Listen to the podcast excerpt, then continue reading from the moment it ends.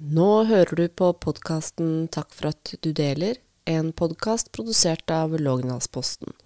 Du hører på den femte av åtte episoder.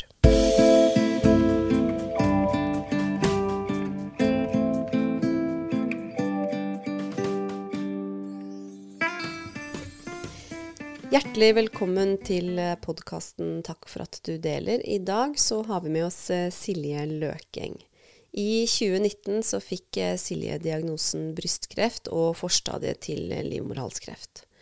Etter endt behandling så satt hun igjen med en eh, annerledes kropp. Hun hadde bl.a. mista brystet, livmorhals og livmor.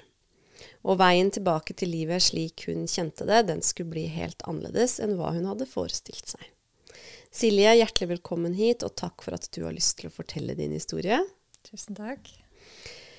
Kan du ta oss eh, litt tilbake til 2019, eh, da du får eh, kreftdiagnosen. Ehm, hva var årsaken til at du kontakta legen i, til å begynne med? Ja, altså jeg hadde egentlig akkurat feira 40-årsdagen min. Og um, Eh, hadde vært eh, rutinekontroll på, eh, i forhold til, til livmorhals, altså tatt celleprøve. Eh, og så ble det da oppdaga at jeg hadde eh, grove celledering og forstadiet til livmorhalskreft. Sånn at eh, jeg fikk beskjed om at til høsten så skulle jeg fjerne livmor og livmorhals.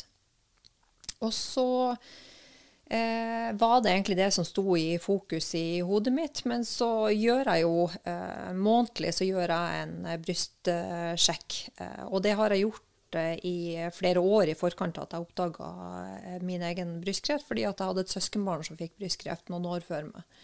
Sånn at hun fortalte meg viktigheten av å sjekke meg sjøl. Og som er så utrolig fint at man kan liksom ha kunnskapsoverføring da, når, når man erfarer det her sjøl.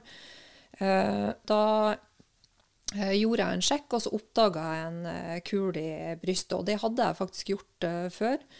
Og da hadde det vært syste, og hadde derfor ikke noe sånn Jeg var ikke noe redd eller noe sånn når jeg fant denne kulen, men jeg gjør sånn som man skal gjøre, gå til fastlegen, og fikk henvisning da til, til brystdiagnostisk. Så det her var liksom tidlig sommeren, altså rett før uh, sommerferien. Uh, og jeg drar på sommerferie. Jeg hadde fått time da i slutten av uh, juli på brystdiagnostisk. Jeg hadde en fantastisk fin sommerferie og tenkte egentlig ikke noe på, på, brystet. Jeg tenkte mer på livmor og livmorhals, at det kom til å bli en stor operasjon. Og at jeg ikke grua meg til det, men jeg var forberedt på at jeg kom til å være, være dårlig en stund. Så eh, den 29.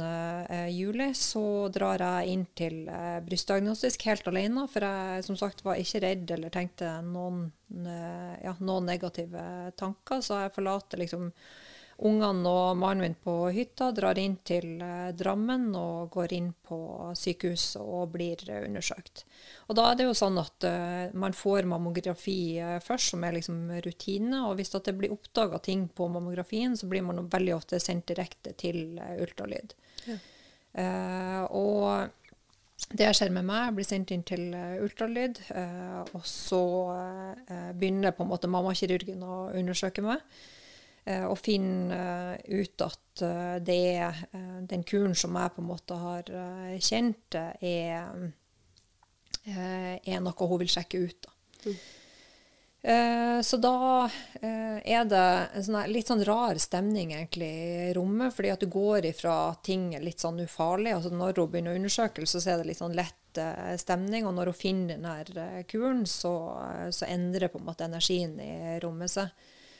Og da kjenner jeg liksom sånn OK, men det her er annerledes enn det jeg har opplevd uh, før. Og så sier hun at hun ønsker å ta biopsi. Um, og det har jeg ikke opplevd før, sånn at uh, det var liksom nytt. Og så tenker jeg OK, men da er det grundig, liksom. Da vil han virkelig utelukke. Og jeg vet, jeg vet, jo det at de fleste kulene man finner i brystene, er jo ufarlige, ikke sant. Så jeg har liksom det perspektivet. Eh, med meg. Eh, og så gjør hun biopsien, og så stiller hun seg bak det her eh, bordet der man ligger. Og så kikker hun på meg, og så sier hun at jeg tror jeg vil stille MR til deg med en gang. Og da kjente jeg liksom sånn hm, Det her Ja, det, nå begynner det liksom å, å bli litt sånn rart, for nå virker det som det haster. Mm. Um, så hun sier bare kle på deg, og sett deg ute på, uh, på venterværelset, og um, jeg går ut. Og så rekker jeg å sende en melding til ei venninne i mellomtida, for hun visste at jeg skulle på den uh, sjekken, så jeg sender bare melding at de har funnet en uh, kul. Um, og så kommer hun tilbake ganske fort etterpå, og idet hun kommer imot meg, så prøver jeg liksom å smile til henne for å liksom kjenne liksom om det her er lett stemning, eller ja, om det er alvorlig. Og, uh, og, hun kikker bare på meg og smiler ikke i det hele tatt, og kommer bort, og så sier hun at bli med meg på, på det stille rommet. Uh, og det vi går mot den uh, døra, og hun tar i det håndtaket, så skjønner jo jeg hva som er i ferd med å skje. Så jeg knekker egentlig bare uh, sammen, fordi at da går det opp for meg at hun hadde ikke tatt meg inn på det stille rommet hvis ikke hun skulle gi meg en alvorlig beskjed, for da hadde hun bare gitt meg den MR-timen og sagt 'kom igjen i morgen'. Um, så det som skjer i hodet mitt uh, da, er egentlig at jeg blir uh, uh, litt sånn satt ut, veldig redd. fordi at da, og mange gjør jo det, tenker på kreft er lik døden. Altså I mitt hode så var Jeg hadde mista flere til kreft, sånn at jeg gikk liksom direkte til døden. Og så tenkte jeg liksom bare skal jeg bli bare 40 år? Og så ble det sånn jeg det ble sånn, Jeg ble så perpleks, liksom. Hva har jeg liksom gjort? Hva har jeg oppnådd i livet? Hva, liksom, hva har jeg vært for alle andre? Kommer ungene mine til å huske meg? Liksom, alle de her tankene bare farer gjennom uh, hodet. Um, og så, uh, og så, setter jeg meg ned og så sier jeg til henne at uh, jeg har brystkreft, ikke sant? Og så kikker hun på meg og så sier hun at ja, uh, jeg har sett deg her så mange ganger før, og det er klart vi skal ta den MR-en, men, eh, men eh, det er brystkreft, og jeg vil at du skal være forberedt på, på, det. Men du skal ikke dø. Det er liksom det første hun sier til meg, er at du skal ikke dø. Og det ble veldig fint, fordi at da skjønner jo jeg at OK, men det her kan faktisk gå bra. og selv om jeg på en måte var knust på innsida, så fikk jeg en sånn Ja, løfta meg litt opp, da. Og så var jeg jo alene, så jeg hadde liksom ingen andre rundt meg. Eh, så da ble avtalen at jeg skulle komme igjen dagen etterpå og ta MR, og så ble jeg på en måte sendt ut eh, døra med en eh, brystkreftdiagnose. Så du kom inn for å skulle sjekke en kul som du tenkte var helt ufarlig, ja. og så gikk du ut igjen sikkert da noen timer etterpå mm. med en diagnose? Ja.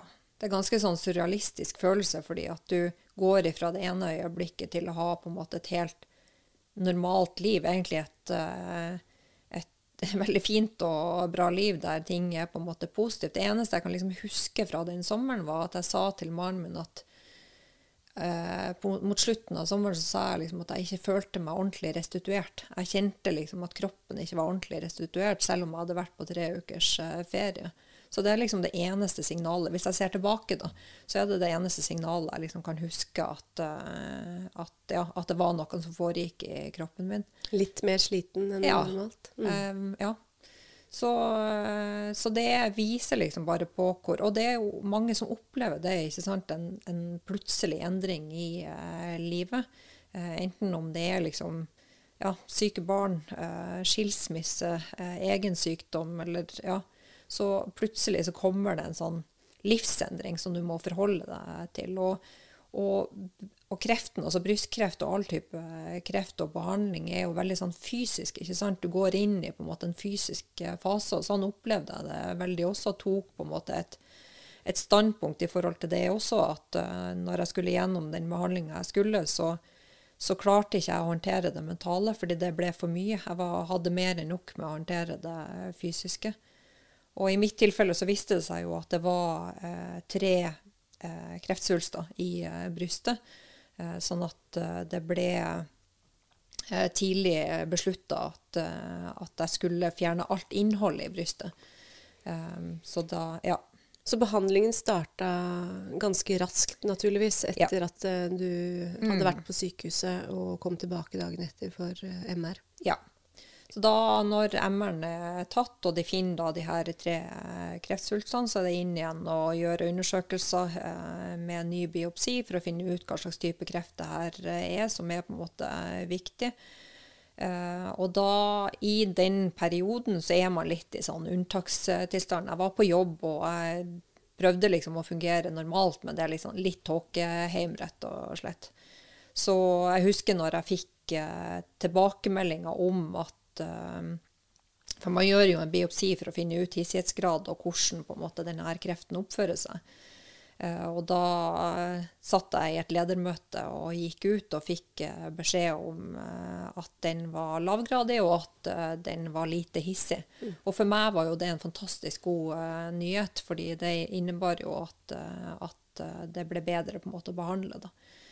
Så, så det er også en sånn sånn rar ting liksom å oppleve, der du får en sånn beskjed, men allikevel oppfatter den som positiv. Det er litt et eller annet med hodet som Ja. Mm eh, som klarer på en måte å snu seg.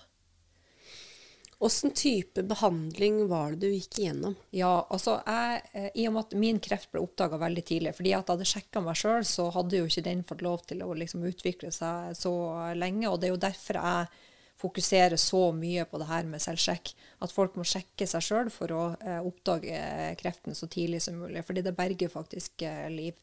Og når man oppdager den tidlig, så har den heller ikke spredd seg til lymfeknutene. Eh, sånn at eh, For meg så innebar det operasjon eh, og hormonbehandling. Jeg slapp unna cellegift med to, nei, to millimeter var det på kreftsvulstene. De følger altså et skjema i forhold til hissighetsgrad, størrelse og spredning. Og jeg hadde liksom alle marginene på min side, som var helt fantastisk. sånn at jeg følte meg veldig veldig heldig som hadde oppdaga det så tidlig, og ikke minst slapp unna cellegift, som er ekstremt krevende for kroppen. Sånn at eh, jeg var på en måte litt sånn eh, Tenkte positivt at det her skal gå fint. Og så går jeg inn i operasjonen, og eh, nå er det jo sånn at eh, eh, kvinner får primær rekonstruksjon når man på en måte fjerner kreften. Og det her har jo vært andre kvinner som har kjempa for å få til. Eh, for før så tok man jo bare bort alt, kjørte full pakke med cellegift og, stråling. Og forskning har jo på en måte brakt frem andre behandlingstyper som gjør at man får mindre på en måte skader, altså langtidsskader og eh, utfordringer. Og i tillegg får lov til å beholde kroppen sin, da, mm. som er et uh, viktig element, spesielt for, for kvinner. Mm. og så gikk det dessverre dårlig, fordi jeg hadde som sagt tre kreftsvulster, og vi måtte skjære såpass langt ut i huden at huden døde, rett og slett. det ble nekrose på en måte i deler av brystet. Uh, og det var jeg egentlig ikke mentalt uh, forberedt på. fordi at når jeg gikk inn i den operasjonen, så i hodet mitt skulle de bare fjerne innhold, putte inn et implantat, og så skulle jeg ha to bryster når jeg våkna opp. Uh, og når jeg våkna opp den etter narkosen, så husker jeg at jeg løfta på dyna og så kikka ned, og så så jeg jo at brystet var jo borte. Og så ble jeg sånn jeg var, ikke, jeg var, bare ikke forberedt på det. Og så ble jeg sånn perpleks, og så kommer han der eh, plastikkirurgen mot, mot, meg og så sier jeg at det her gikk vel kanskje ikke sånn som det skulle gjøre. Og så sier han nei, dessverre så måtte eh, mammakirurgene eh, ta bort eh, veldig, eh, eller store deler av brystet ditt. Eh, men det har vi gjort for å få bort kreften, sånn at var liksom, det var greit. men vi skal prøve å, å få det til allikevel. Så da går jeg inn i noen uker der vi prøver å få, eh, få huden til å overleve. Prøver liksom å ha trykkbandasje på å få den til å overleve. Og så skjønner vi etter hvert at eh, når på en måte nekrosen begynner å spre seg, så, eh, så blir jeg tatt inn på akutten, og så eh, blir det da beslutta om å eh, ta det bort.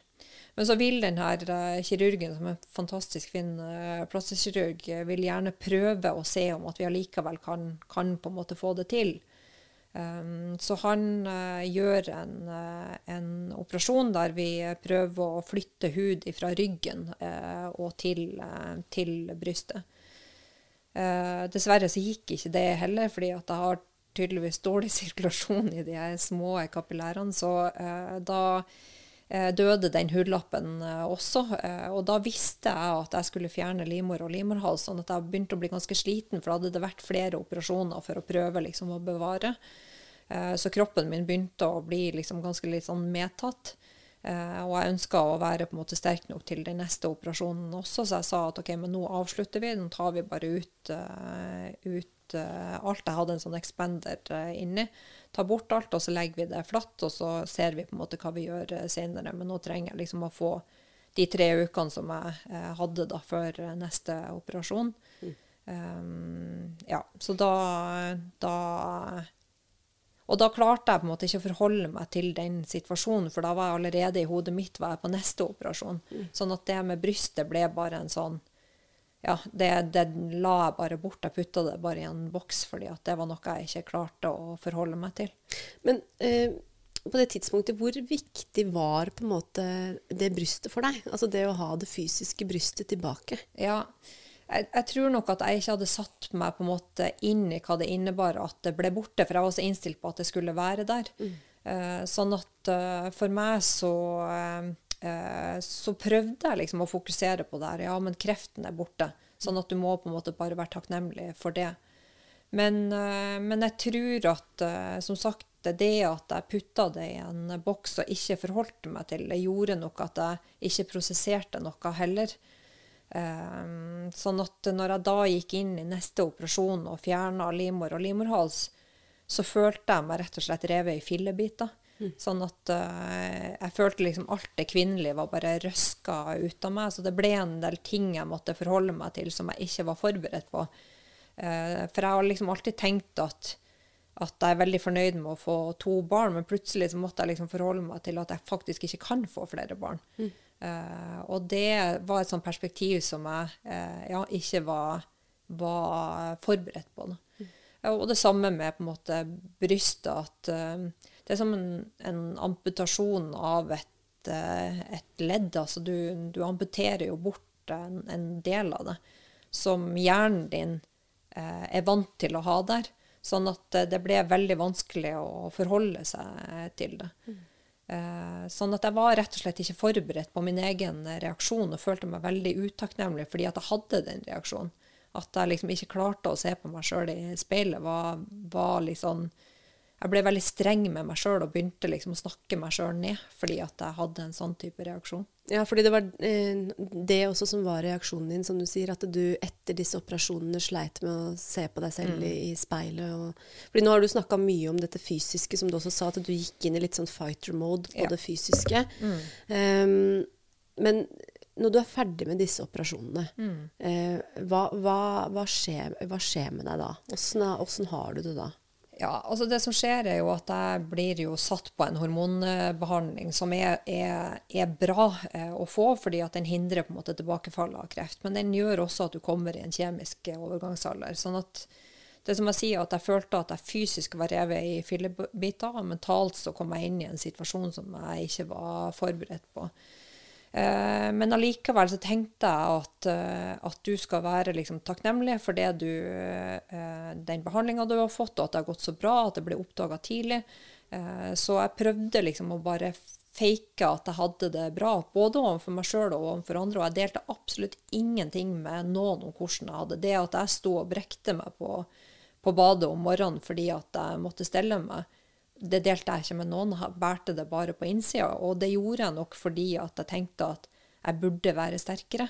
Altså det her burde jeg håndtere bedre, fordi det har jo gått så bra. Uh, men uh, Så det ble en, veldig sånn mental vanskelig reise, da, fordi jeg feita liksom mye med meg sjøl.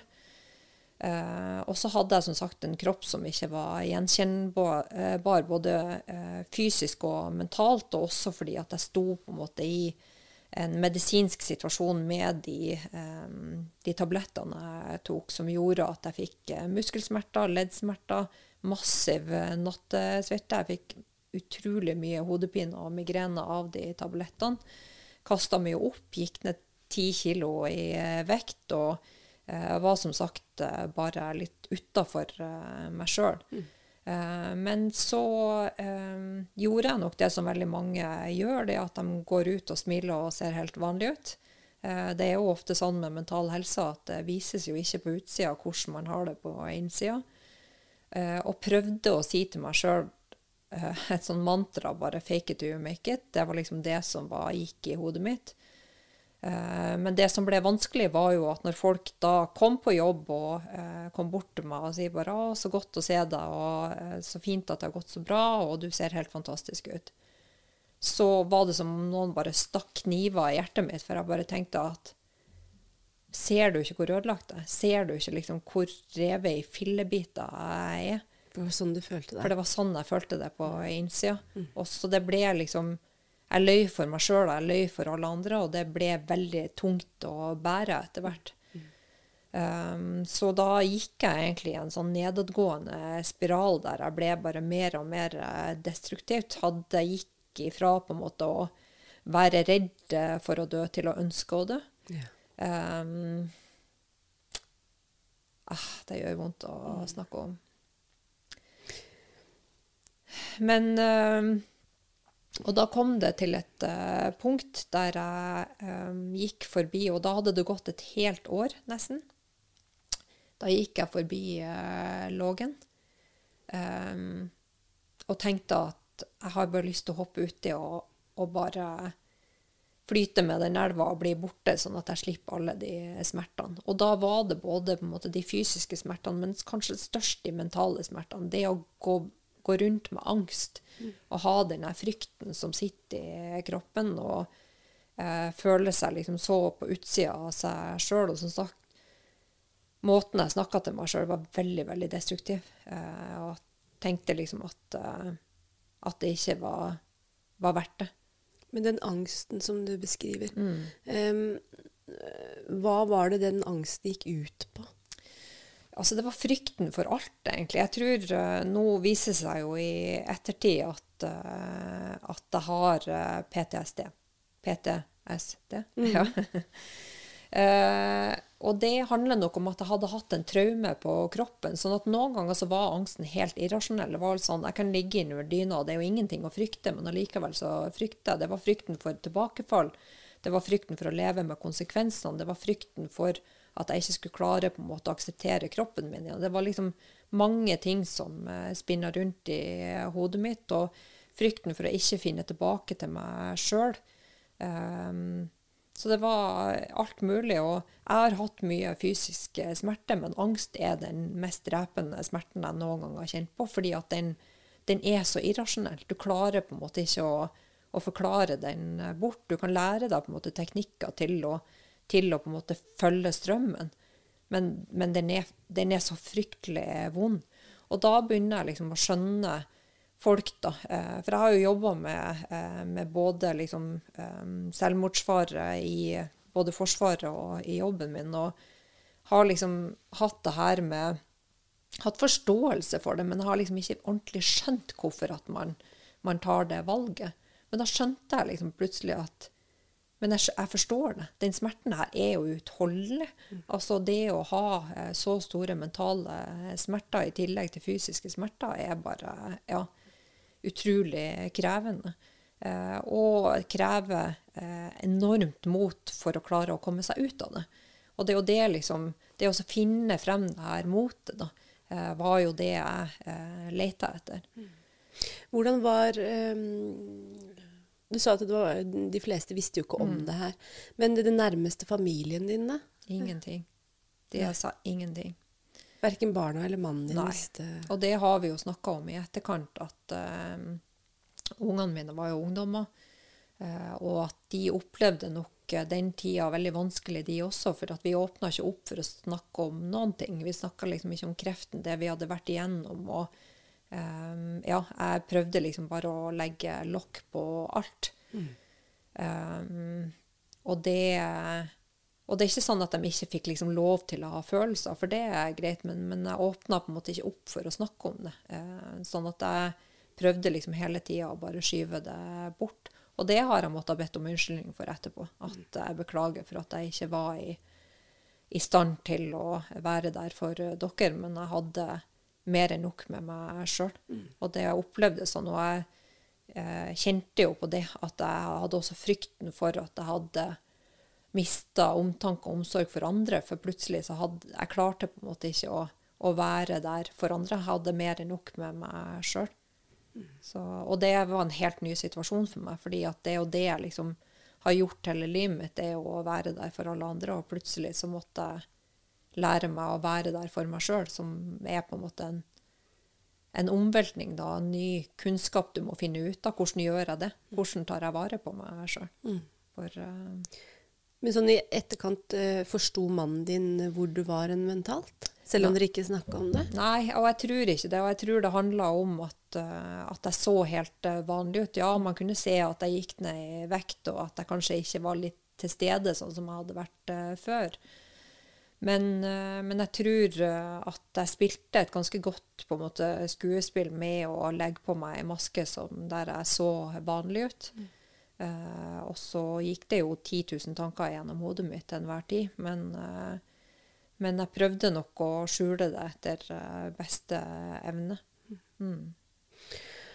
Men og så starter du jo på en måte en reise, kan mm. du vel si. Ja. For da bestemmer du deg for å begynne å gå tur. Ja. Ja, altså eh, for meg som har jobba med arbeidshelse i eh, ja, over 20 eh, år, så hadde jo jeg verktøykassa stående rett foran meg. Uten at jeg tok den i bruk. Og det er nok veldig vanlig at det er mye lettere å, måte, å gi råd enn å ta råd sjøl. Men etter på en måte, den kvelden foran den elva, så skjønte jeg at nå må du ta deg sammen. Du har to nydelige barn og en mann og mange som er glad i deg. Eh, nå må du begynne å eh, bruke de her verktøyene som, eh, som, du har brukt på andre. Og jeg visste jo det at fysisk og mental helse og bruk av naturen er veldig bra. Og fysisk og mental helse henger tett sammen. sånn at for meg så var det på en måte naturlig å begynne i den enden. Altså det som er liksom Det som ligger meg nærmest, da. Så da utfordra jeg meg sjøl til å gå på tur i, hver dag i et år. Eh, og, og, om jeg gikk liksom langt eller kort, det spilte ingen eh, rolle. Bare jeg var ute og fikk eh, frisk luft. Og fikk tid og rom til å tenke og prosessere og ta vare på meg sjøl. Og da starta jeg også denne Instagram-kontoen. Og det gjorde jeg nok ikke fordi at jeg nødvendigvis ønska å dele med alle andre, men for å holde meg sjøl ansvarlig. At OK, men nå må du poste hver dag at du har vært på, på tur. Uh, og da samtidig så, så, begynner jeg å på en måte be om hjelp fra andre også, som er på en måte et viktig element oppi det hele. At, at man skal på en måte ikke stå alene i problemene sine og de utfordringene man står i. Det er lov til å be om hjelp. og som sagt, det her hadde jeg snakka om til veldig mange andre før. sånn at plutselig så, så, måtte jeg faktisk ta i bruk de virkemidlene eh, sjøl. Og at uh, det kanskje ikke var nødvendig å stå i de problemene alene. Så da begynte jeg uh, først hos uh, psykolog og jobbe på en måte med det mentale aspektet og angsten og frykten og det som var tungt og vanskelig. og trene meg på å kjenne etter, fordi jeg har vært ekspert på å legge alle følelser i en uh, boks. Det har funka veldig bra for meg inntil uh, det ble, uh, boksen rett og slett ble full. Og da er det interessant da, hvordan jeg i voksen alder må lære meg å kjenne etter. For det hadde jeg ikke gjort før. Så, og når psykologen da sier For jeg går jo til psykologen i håp om at hun bare kan fikse meg. Mm. Så jeg blir sånn eh, Når jeg kommer til henne, så bare Ja, men bare fortell meg hva jeg skal gjøre, så, så skal jeg gjøre det, og så blir det bra. Og så blir hun sånn Nei, men det er ikke helt sånn det fungerer. Du må faktisk jobbe med deg sjøl og finne ut hvor de her mønstrene kommer ifra. Hvor, Hvorfor er det sånn at du legger følelsene i en boks og tenker at de har det beste der? Hvorfor tør du ikke på en måte å kjenne etter?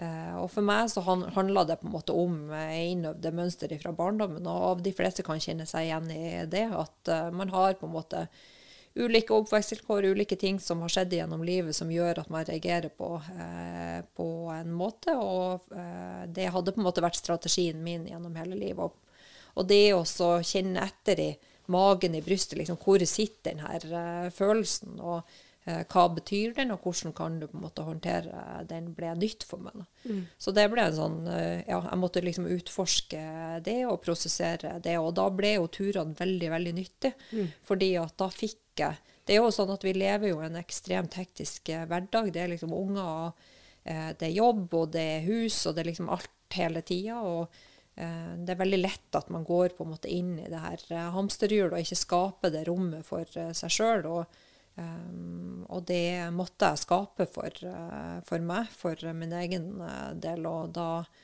hjalp det på en måte å få det rommet når jeg var ute på tur. Og da fikk jeg også prosessert uh, alt det jeg på en måte jobba med. Da. Når var det du uh, merka at det begynte å lette litt? Ja, altså nå gikk jeg til psykolog i de første månedene av 2021.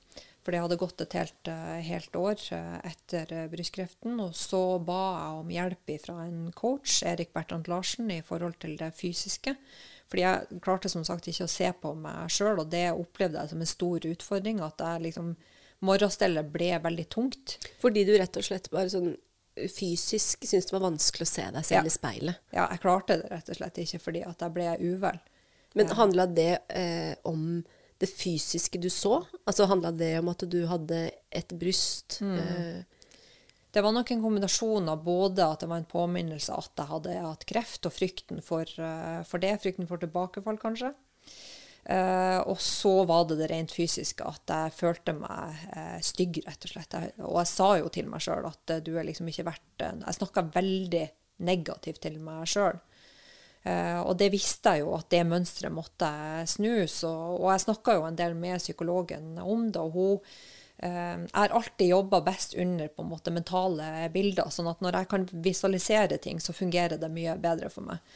Uh, og psykologen drev også snakka om at jeg måtte liksom bygge et nytt hus. At jeg liksom måtte starte med de grunnsteinene og bygge et nytt hus. Og så husker jeg at jeg ble litt sånn irritert, for jeg tenkte at det er så dårlig bilde. Liksom, har du ikke et bedre visuelt bilde? Fordi det er liksom ja, mm. litt sånn kjedelig. Mm.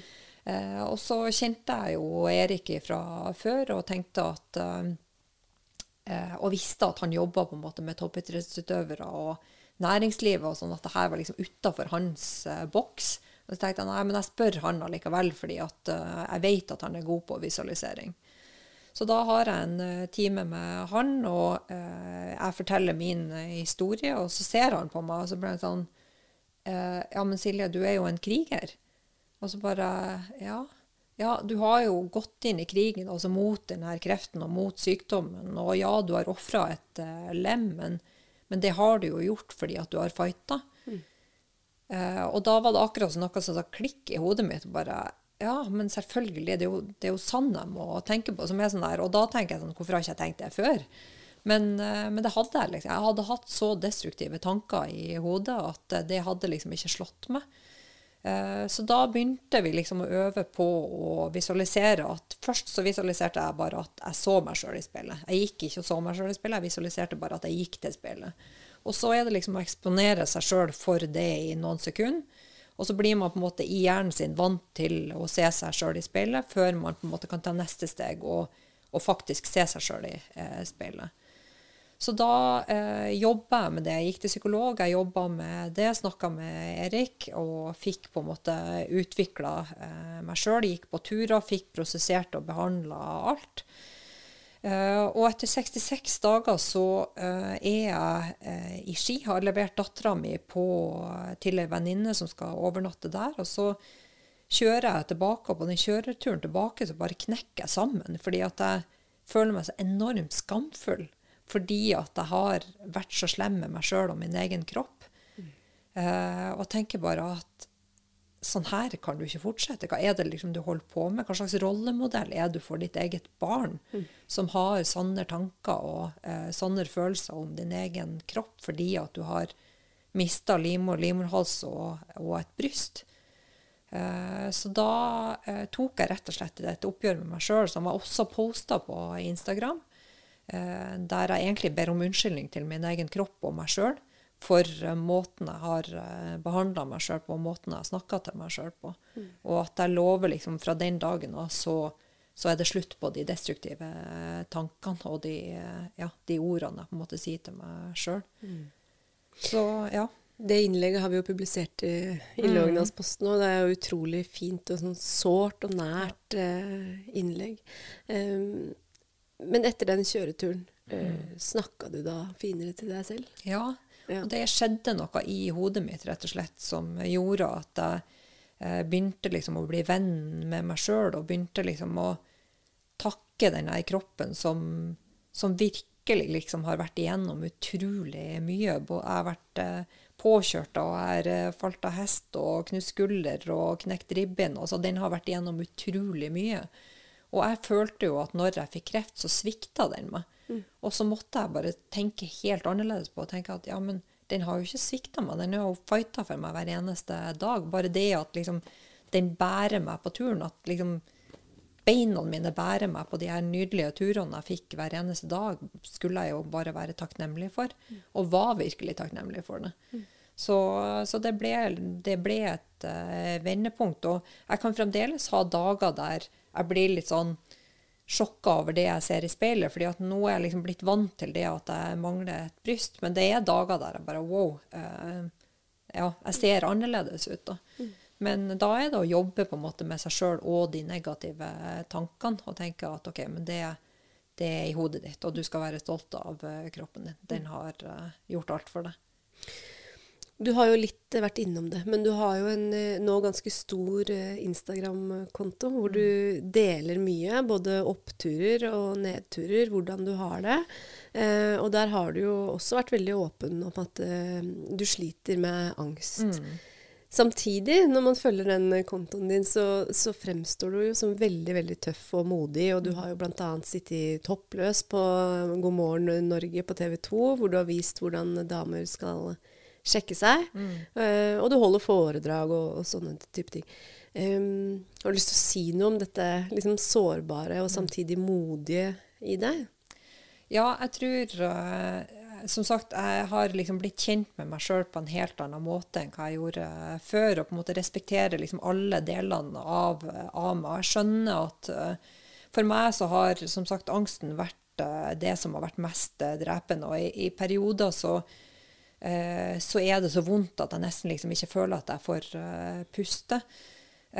og så vet jeg at det går over. Det er jo det jeg liksom har lært meg til etter hvert. at den angsten sitter ikke i all evighet, og den går ofte over.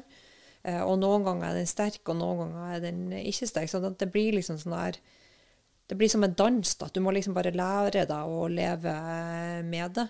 Eh, og det tar på en måte ikke bort styrken min, hvis du skjønner hva jeg mener. Jeg er likevel sterk selv om at jeg i perioder også er svak. og det å på en måte anerkjenne og respektere, det gjør nok at jeg håndterer det på en annen måte. Men jeg blir frustrert noen ganger. Fordi at jeg kan føle meg så innmari svak når det står eh, på. Eh, og som sagt, de destruktive tankene kommer veldig fort når man har det vondt. Eh, men allikevel så vet jeg nå etter hvert at det går over. Sånn at jeg prøver liksom å fokusere på det når at det er vanskelig. Og så er det noen ganger, liksom, sånn som når jeg var på God morgen Norge og utsetter meg for på en måte den type press. da, Um, som jeg velger å gjøre sjøl, fordi jeg hadde ikke trengt å Det var ingen som tvang meg på en måte til å gjøre det. Så er det noe med å forstå perspektivet i hvorfor jeg gjør det jeg gjør, for det handler om å redde liv. Sånn at de, mine tanker og mine følelser og mitt ubehag er nesten uvesentlig. Fordi at hvis at mitt ubehag kan føre til at noen faktisk berger livet sitt, så er det verdt det. Og det er sånn jeg prøver liksom å å tenke. Og det er klart det må være balanse. Jeg kan ikke utsette meg for det eh, for mye, men, men, jeg velger å gjøre det allikevel eh, fordi at jeg, tror på at eh, det eh, jeg gjør, er viktig. Da, at det kan gjøre en forskjell. Det er noe motivasjon i det høyere ja. oppdraget ditt? Ja, det er liksom å finne the bigger purpose. Mm. At uh, til syvende og sist så handler det jo om på en måte raushet og omsorg for andre mennesker. Noe som jeg trodde jeg hadde mista uh, underveis med kreften, og at den faktisk eksisterer i meg ennå. Og det er, litt, det er godt og vondt å kjenne på, fordi at uh, ja, det koster litt. Men som sagt så, så tror jeg at uh, at det er viktig. Det er viktig på en måte at jeg klarer å eh, jobbe meg gjennom de tankene og de følelsene også. Og det tar oss jo litt inn på ekspedisjonen, mm. som nå Ja, det er vel et par måneder til dere skal uh, av gårde. Har du lyst til å fortelle litt om uh, hva dere skal, for ja. de som ikke vet det? Ja, altså ekspedisjonen kom jo som uh, en drøm og en følge av at jeg gikk på de her turene. Og når jeg var ute på turene, så prøvde jeg å bygge på en måte mental styrke. så for meg så var det å liksom sove ute alene i telt trekke pulk, bare liksom klare meg sjøl, ble en sånn mestringsøvelse, rett og slett. Eh, og gjennom de eh, turene så begynte jeg liksom å tenke på og drømme om at kanskje jeg kunne sette meg et mål langt der eh, fremme som, som kunne være motivasjonen til å bygge opp den fysiske og mentale styrken.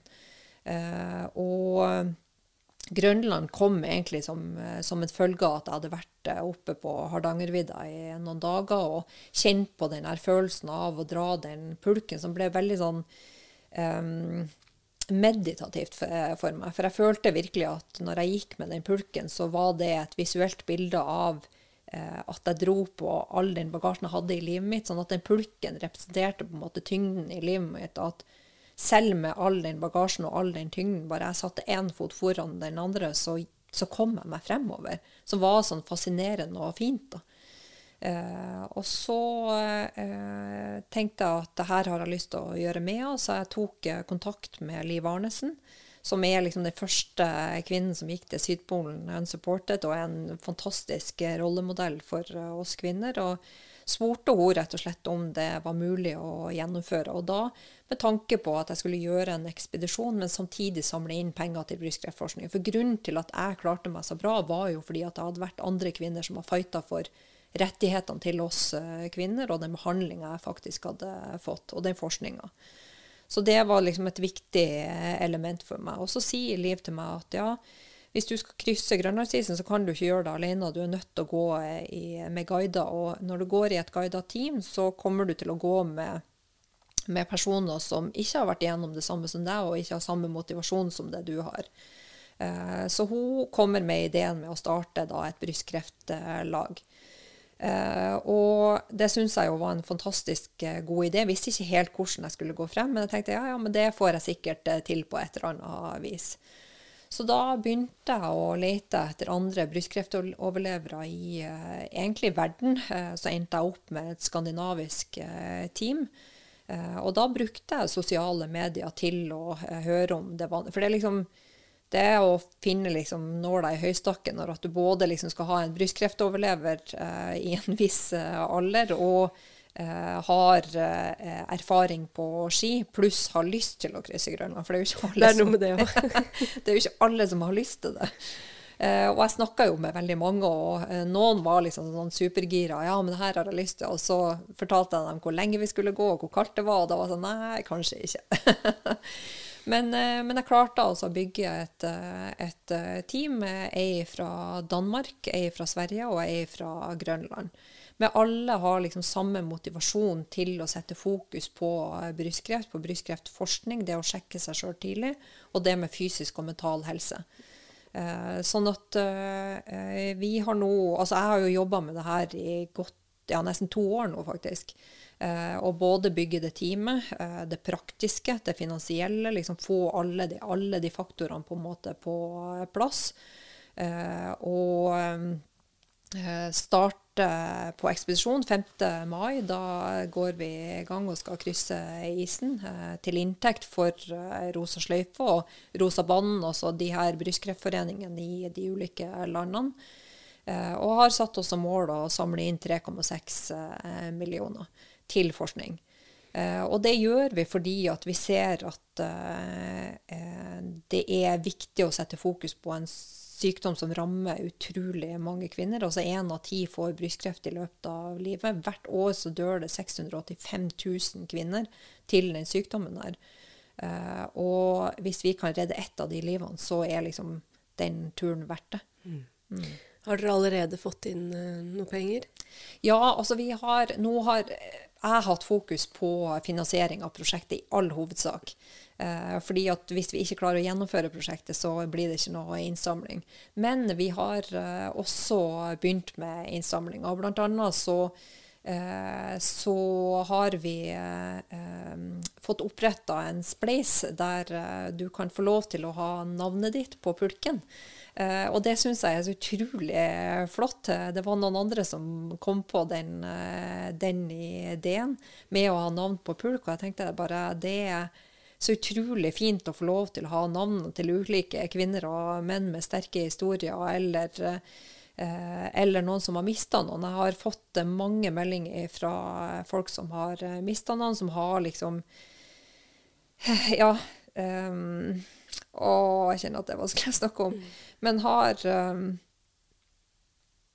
um, vært friluftsmenneske og, og, har liksom drømt om å skulle gjøre det, men dessverre har gått bort som følge av kreften. og allikevel så får vi lov til å bære det her eh, navnet med oss over isen, og det betyr bare utrolig mye. Dette er jo en eh, stor ekspedisjon som eh, krever mye planlegging og mye energi. Ja. I tillegg så skal dere vel gå i er det 28 dager? 28 dager, ja. um, du nevnte det litt innledningsvis um, med tanke på medisinbruk, mm. sånne type ting. Hvordan har du det nå, både sånn fysisk og psykisk? Um, jeg visste jo at uh, jeg ikke kunne gå over isen med de medisinene jeg går på. Um, sånn at jeg spurte tidlig mammakirurgene om jeg kunne få lov til å gå av medisinene i tre måneder i forbindelse med ekspedisjonen. Uh, og det fikk jeg godkjenning for. De undersøkte og uh, vurderte på en måte risikoen med å ikke stå på de medisinene i tre måneder, og det skulle være greit. Og så var jeg ganske dårlig i jula, hadde mye angst og eh, mye på en måte problemer med medisinene. Jeg, eh, jeg sliter veldig med leddsmerter og muskelsmerter og eh, kvalme spesielt, sånn at jeg klarte på en måte ikke å komme meg opp i vekt som en avgjørende faktor for å få lov til å krysse isen. Eh, og det var veldig klart fra guidene at eh, hvis du skal være med, så må du opp i vekt, fordi at eh, du kommer ikke til å klare det hvis at du ikke har mer styrke. Eh, sånn at jeg har jo trent eh, mye de siste, de siste året. Eh, Trukket dekk og jobba med meg sjøl, men, men pga. kvalmen så hadde jeg rett og slett store problemer med å komme meg opp i vekt, og angsten ble på en måte mer fremtredende. Jo mer svakere jeg blir, jo mer fremtredende blir, blir angsten. Sånn at da beslutta jeg egentlig på bursdagen min at nå er det nok. Nå klarer jeg faktisk ikke mer, nå må jeg få en pause. Uh, og det handler nok om liksom, det her valget mellom å gjennomføre det jeg har satt meg som uh, mål. For, uh, for, ja, det utgjør en risiko å slutte på medisin i fem måneder kontra tre. Nå er sannsynligvis risikoen ikke kjempehøy, men det er en risiko. Men for meg så er det noe med livskvalitet også, sånn at jeg er villig på en måte til å ta den beslutninga og stå i den beslutninga, vel vitende om at jeg skal starte på medisin igjen når jeg er ferdig med ekspedisjonen.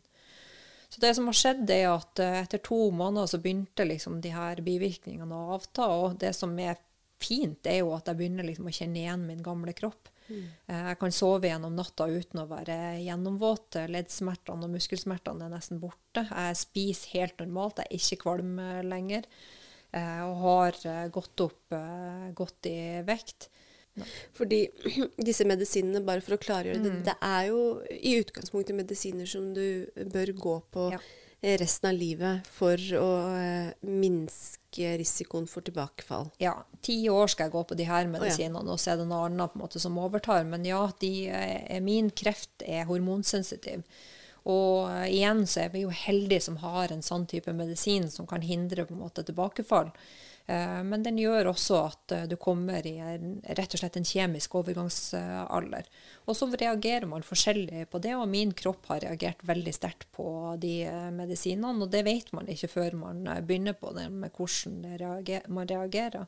Og mange velger faktisk å slutte på dem, for de klarer ikke å stå i bivirkningene. Som jeg har full respekt for, fordi det er ekstremt krevende å ha en kropp som du rett og slett ikke liksom kjenner igjen. Så, så akkurat nå så, så, er kroppen min så optimalisert som den eh, kan eh, bli. Og nå er det liksom siste innspurt med å forberede den på, eh, både lengde og tyngde på det den skal på en måte gjennom. For nå var vi på treningssamling for to eh, helger siden, og eh, det er bare helt utrolig tungt. Altså å gå åtte timer om dagen med en pulk som veier 70 kg. Og jeg hadde nok eh, liksom tenkt at i hvert fall perioder av dagen så skulle den pulken kjennes lettere ut, men det gjør den ikke. Den er tung. Hvert drag er liksom uh, tungt. Så for hvert steg du tar, så, så, jobber på en måte kroppen. Men det som er interessant da med på en måte eh, både det fysiske og det mentale, at hvis at du er godt forberedt, så går det jo. Eh, men, men, jeg syns kanskje det mentale var det tyngste, fordi at du skjønner at eh, at det kommer til å bli ekstremt eh, krevende. Og da er det liksom å bruke den kunnskapen du har og den erfaringa du har, men også minne deg sjøl på hvorfor du gjør det her. For den første dagen da vi starta, for vi kommer jo til å klatre opp på brefallet når vi starter, og da er det sånn fire til seks dager der det er beintøft, altså da går det oppover. Eh, og det gjorde vi første dagen, så gikk vi oppover bare for å simulere på en måte de dagene. Uh, og da uh, kjente jeg veldig på at det her tror jeg faktisk ikke går. Altså, jeg begynte liksom å tvile på at jeg skulle få det til. Og, og det handla jo om at jeg har ikke den vekta på en måte jeg trenger pulken veier betydelig mye mer enn det jeg gjør. Uh, og følte liksom at jeg var svak, rett og slett. Og det er jeg jo egentlig ikke, men jeg følte meg svak. Og igjen så er det liksom å stå i det her ubehaget og den smerten og huske på at det går over. For vi skal faktisk bare gå i åtte timer. Eh, og det kommer en tolvtimers pause etter at du har gått i åtte timene. Også huske på hvorfor du faktisk gjør det. Eh, for det er som å si at hvert år så dør det 685 000 kvinner til den sykdommen her. Og nå vet jeg ikke hvor mange skritt jeg tok den eh, dagen, men jeg kan garantere deg at for alle de skrittene jeg tok, så hadde det dødd noen. Og det er akkurat det det handler om. Det er jo derfor vi gjør det. Det er for å berge flest mulig av de her uh, livene. Uh, sånn at mitt ubehag blir på en måte uvesentlig i det store bildet. Og det klarer jeg å stå i. Jeg klarer å stå i en måned med ubehag. Det, det gjør jeg. Uh, og så vet jeg jo det at det vil jo ikke være vondt og vanskelig hele tida. Vi kommer til å ha fantastiske opplevelser på den uh, isen også. Sånn at uh, det, ja, det en ligger en stor drivkraft i det. da. Mm. Det høres ut som en uh, veldig meningsfull tur. Mm. Um, Silje, du har jo vært igjennom litt av en reise, og du skal også videre på en stor reise. Um, helt avslutningsvis, Ehm, hva tenker du om sitatet 'Det som ikke dreper, gjør deg sterkere'? Ja, det er et interessant uh, sitat, og jeg prøver liksom å si til, uh, til uh, folk som går igjennom på en måte vanskelige situasjoner, at det tar på en måte ikke bort på en måte, Smertene tar ikke bort opplevelsen. Ja, det gjør deg sterkere, men det gjør deg også svakere, hvis du skjønner hva jeg mener. Og det å leve med den svakheten er også en styrke. Og det, jeg skrev et innlegg om det i går, faktisk. At det her med Jeg har aldri følt meg sterkere, men jeg har aldri følt meg svakere heller. Eh, og de nyansene er på en måte fint å kjenne på. Da. At det tar på en måte ikke bort styrken i det. Så både ja og nei, det, det gjør deg både sterkere og svakere, hvis du skjønner hva jeg mener. Og Eh, det er en krevende situasjon å stå i. Eh, og som sagt, det krever enormt mot eh, for alle individer å, å bane seg vei gjennom det som har vært vondt og vanskelig. Silje, tusen takk for at du hadde lyst til å komme hit og fortelle din historie. Og ikke minst, riktig god tur. Tusen takk for det.